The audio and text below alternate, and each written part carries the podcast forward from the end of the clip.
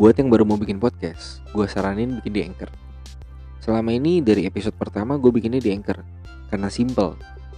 Jadi lu tinggal record, lu edit dikit, ya lu mau bikin per segmen bisa, lu mau trim audionya bisa, lu mau tambahin background musik pun bisa, sesimpel itu. Dan lu tinggal upload, lu publish. Habis itu urusan dia lah. Bisa dipublish ke mana aja kok Di Spotify, Apple Podcast, Google Podcast Masih banyak lagi deh Udah gak usah banyak pikir. Yuk join.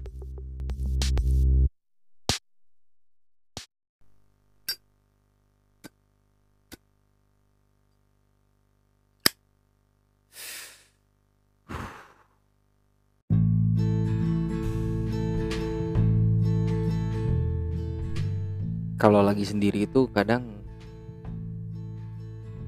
gak jelas. Suka mikir ke mana-mana kan. Dan kalau lagi sendiri itu pengennya rame. Tapi habis udah di keramaian pengennya sendiri. Susah banget loh anjing. Ribet banget sih jadi orang. Ya tapi itu yang kita rasain kan. Itu yang kita alamin. Pasti dong nggak mungkin enggak pasti ada momen-momen di mana lu ngerasa tuh pengen banget nih ngumpul sama anak-anak sama teman-teman atau sama siapa pun itulah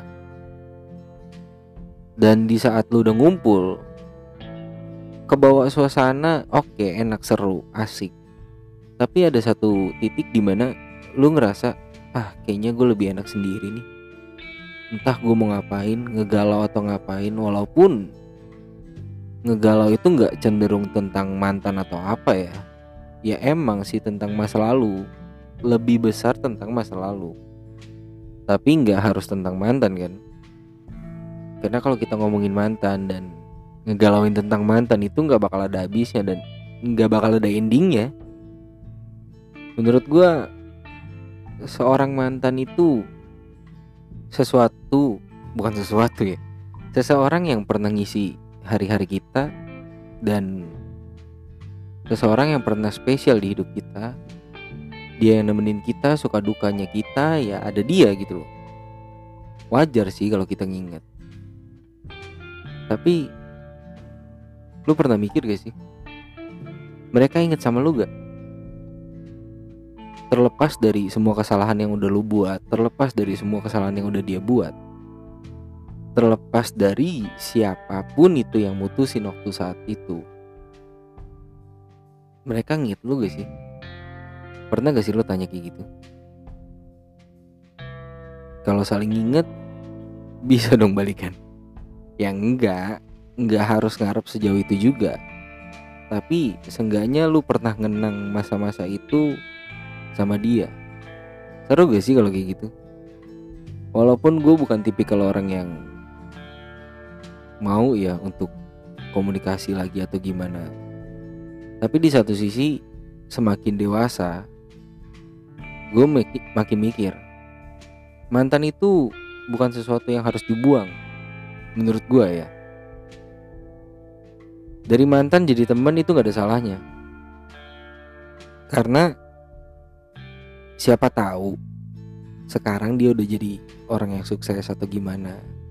Di satu sisi lu ngebutin orang yang seperti dia dalam arti dalam sebuah bisnis ya atau dalam pekerjaan lu. Dia memiliki suatu kelebihan tertentu dari dari pekerjaannya dia dari pengalamannya dia dan itu bisa lu ajak join kan bisa lu manfaatkan dalam tanda kutip ya. Lu bisa ngobrol lagi dan bisa mungkin bisnis bareng atau memperbaiki keturunan? Bukan. Nggak nggak nggak nggak nggak ke arah situ. Yang mau gue tekankan itu masalah peluang. Sebuah peluang sebuah kesempatan yang mungkin bisa lu dapet dari relasi masa lalu lo itu nggak cuma dari temen deket nggak cuma dari temen kantor nggak cuma dari temen satu komsel atau satu perguruan atau apa pun itulah. Tapi dari mantan. Pernah gak sih kepikiran kayak gitu